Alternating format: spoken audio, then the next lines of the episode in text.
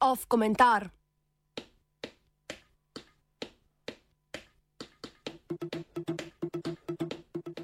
Oplojeni incident.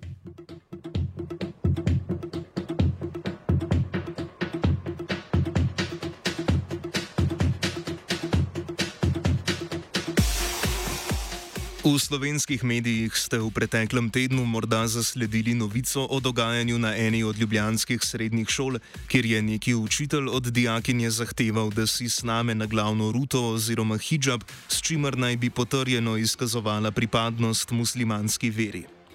Učitelj je svojo zahtevo argumentiral z bontonom, čež da ga dijakinja krši. Ker si dijakinja hijaba ni snela, je ukazal naj zapusti razred. Posredovala je ravnateljica, ki je dijakinjo pomirila in ji dejala, da ni naredila ničesar narobe, saj je šola, kot tudi njeni zaposleni, dolžna upoštevati versko svobodo, zapisano v 14. členu Ustave Republike Slovenije.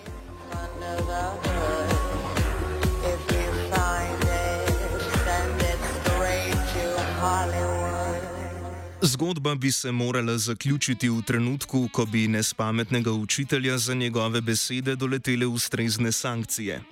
Dijakinji pa bi morala biti za dogodek zagotovljena kompenzacija za kršitev njene ustavne pravice v javnem šolskem zavodu. Ampak se ni. Medijska izpostavljenost zgodbe je pridodala mnogo pomenov, ki so skrajno popačili bistvo. Dijakinja je imela in še vedno ima vso pravico, kjerkoli nositi hijab, učitelj pa je poskusil kršiti njeno ustavno pravico.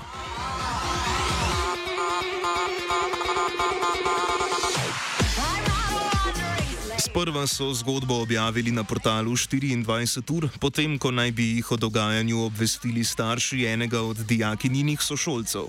Uvodni stavek prispevka se glasi: Med poukom v eni od ljubljanskih srednjih šol je v petek prišlo do incidenta med učiteljem in dijakinjo. Do incidenta med učiteljem in dijakinjo seveda ni prišlo, ker to sploh ni bil incident, temveč poseg v osebno integriteto in poskus kršitve ustavne pravice.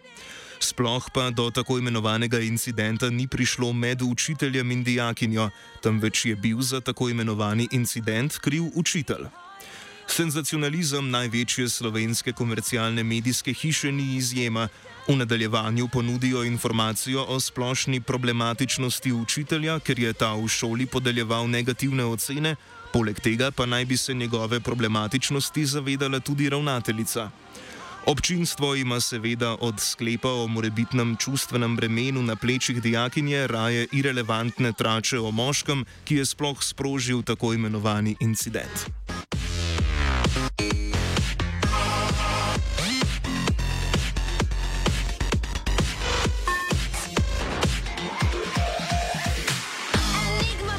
Za slonje korake v trgovini z lomljivim porcelanom so se na 24 ur verjetno želeli pokesati z drugim prispevkom, ki nošenje, prepoved ali zapoved verskega pokrivala kontekstualizira v svetovnem in evropskem merilu. Sklene se s, s korektno oceno, da je širom sveta premalo razumevanja, zakaj ženske nosijo hijab a zlomil se je še en porcelanast krožnik. Simbolično fotografijo ženske, ki telefonira in nosi nikab, pokrivalo z odprtino za oči, so pospremili s pripisom Burka. Vrh tega, da je med nikabom in burko, pokrivalom, ki z gosto tenčico zakriva tudi oči, očitna že vizualna razlika, je kontekst, ki ločuje obe verski pokrivali, pomemben. Medtem ko je nošnja nikaba razširjena na vseh celinah, burke ne boste našli zlahka niti v državah, ki ženskam zapovedujejo versko oblačilno kulturo. Po 11. septembru 2001 so burke na Zahodu postale sinonim za nevarnost in ogrožanje javnega prostora, v zadnjem času pa se jih etiketira predvsem s talibskim zatiranjem žensk v Afganistanu, kjer jih morajo nositi prav vse. Ta analogija je po zahodnem svetu sprožila mnogo uzakonitev prepovedi tega oblačila, čeprav ga večina prebivalstva teh držav v življenju ni, ni niti videla. V tem kontekstu nikakor ne izražamo naklonjenosti nošnji burk, nujno pa je izpostaviti, da je bila njihova prepoved v Evropi rezultat verske nepismenosti, islamofobije ali islamoskepticizma in nevarnostnih groženj.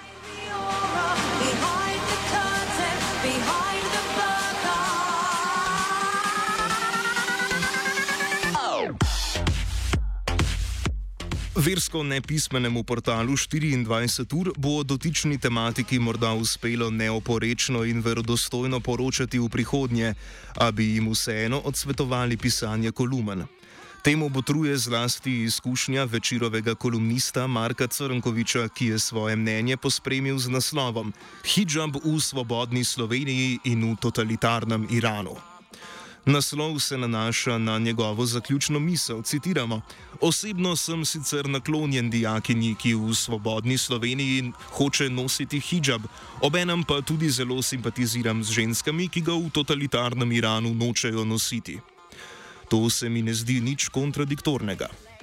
Usporednost svobodne Slovenije in totalitarnega Irana v kolumni milo rečeno spominja na proizvod ameriške kulturne hegemonije, ki na spolskem terenu reproducira večvrednostni kompleks evropske civilizacije. Za lase privlečena orientalistična primerjava pa Bravko prav tako odvrne od dejstva, da je tako kot v Iranu vir zatiranja v slovenskem primeru moški.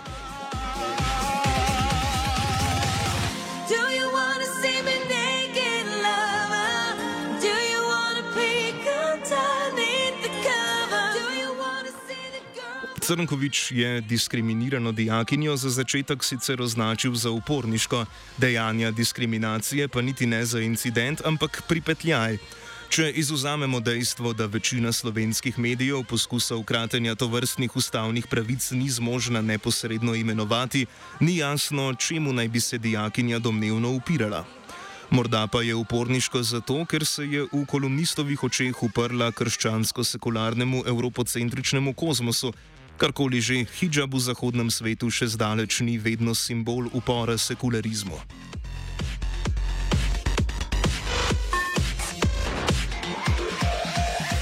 Enigma pop star is fun, she wear a call for Svojo porcelanasto skodelico k poročanju o dogodku so z nekoliko bolj doslednim prispevkom pristavili tudi v mladini in ga opremili sliko dveh žensk s hijabom, ki se udeležujeta ljubljanskega maratona.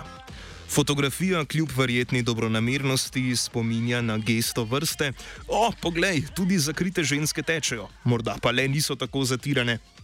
Ne le, da odkrito eksotizira osebe, ki nosijo verska pokrivala, prav tako jih v pokroviteljski maniri pozitivno diskriminira in ponuja kot zgled uspešne ter zaželene integracije v sveti evropski kozmos, ki ob nedeljah teče maraton.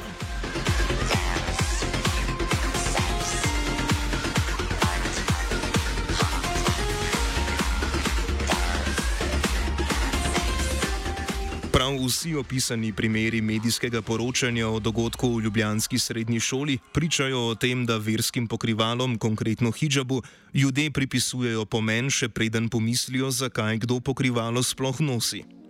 Hijab je tako oplojen s tujimi pomeni in vrednostmi, a brško ne ima vsaka oseba, ki ga nosi, za to edinstven razlog. Morda je povod za nošnjo verske narave, morda pa je bila v to zgolj socializirana in ji pokrivalo tako predstavlja varnost in udobje. Hijab bi na vse zadnje lahko razumeli tudi kot feministični akt, ki patriarhalni družbi delno odreče možnost objektivizacije ženskega telesa.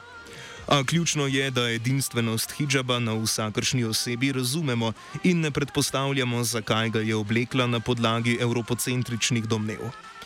Poleg tega bi se moral v slovenski družbi vzpostaviti konsens, da so ženske s hijabom avtonomne posameznice, če tudi jih želijo v besednjaku Marka Crnkoviča na eni strani zakriti moški v totalitarnem Iranu in na drugi strani odkriti moški v svobodni Sloveniji.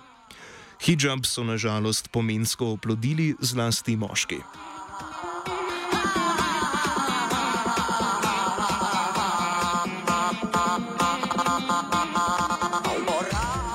Komentiral je Matija.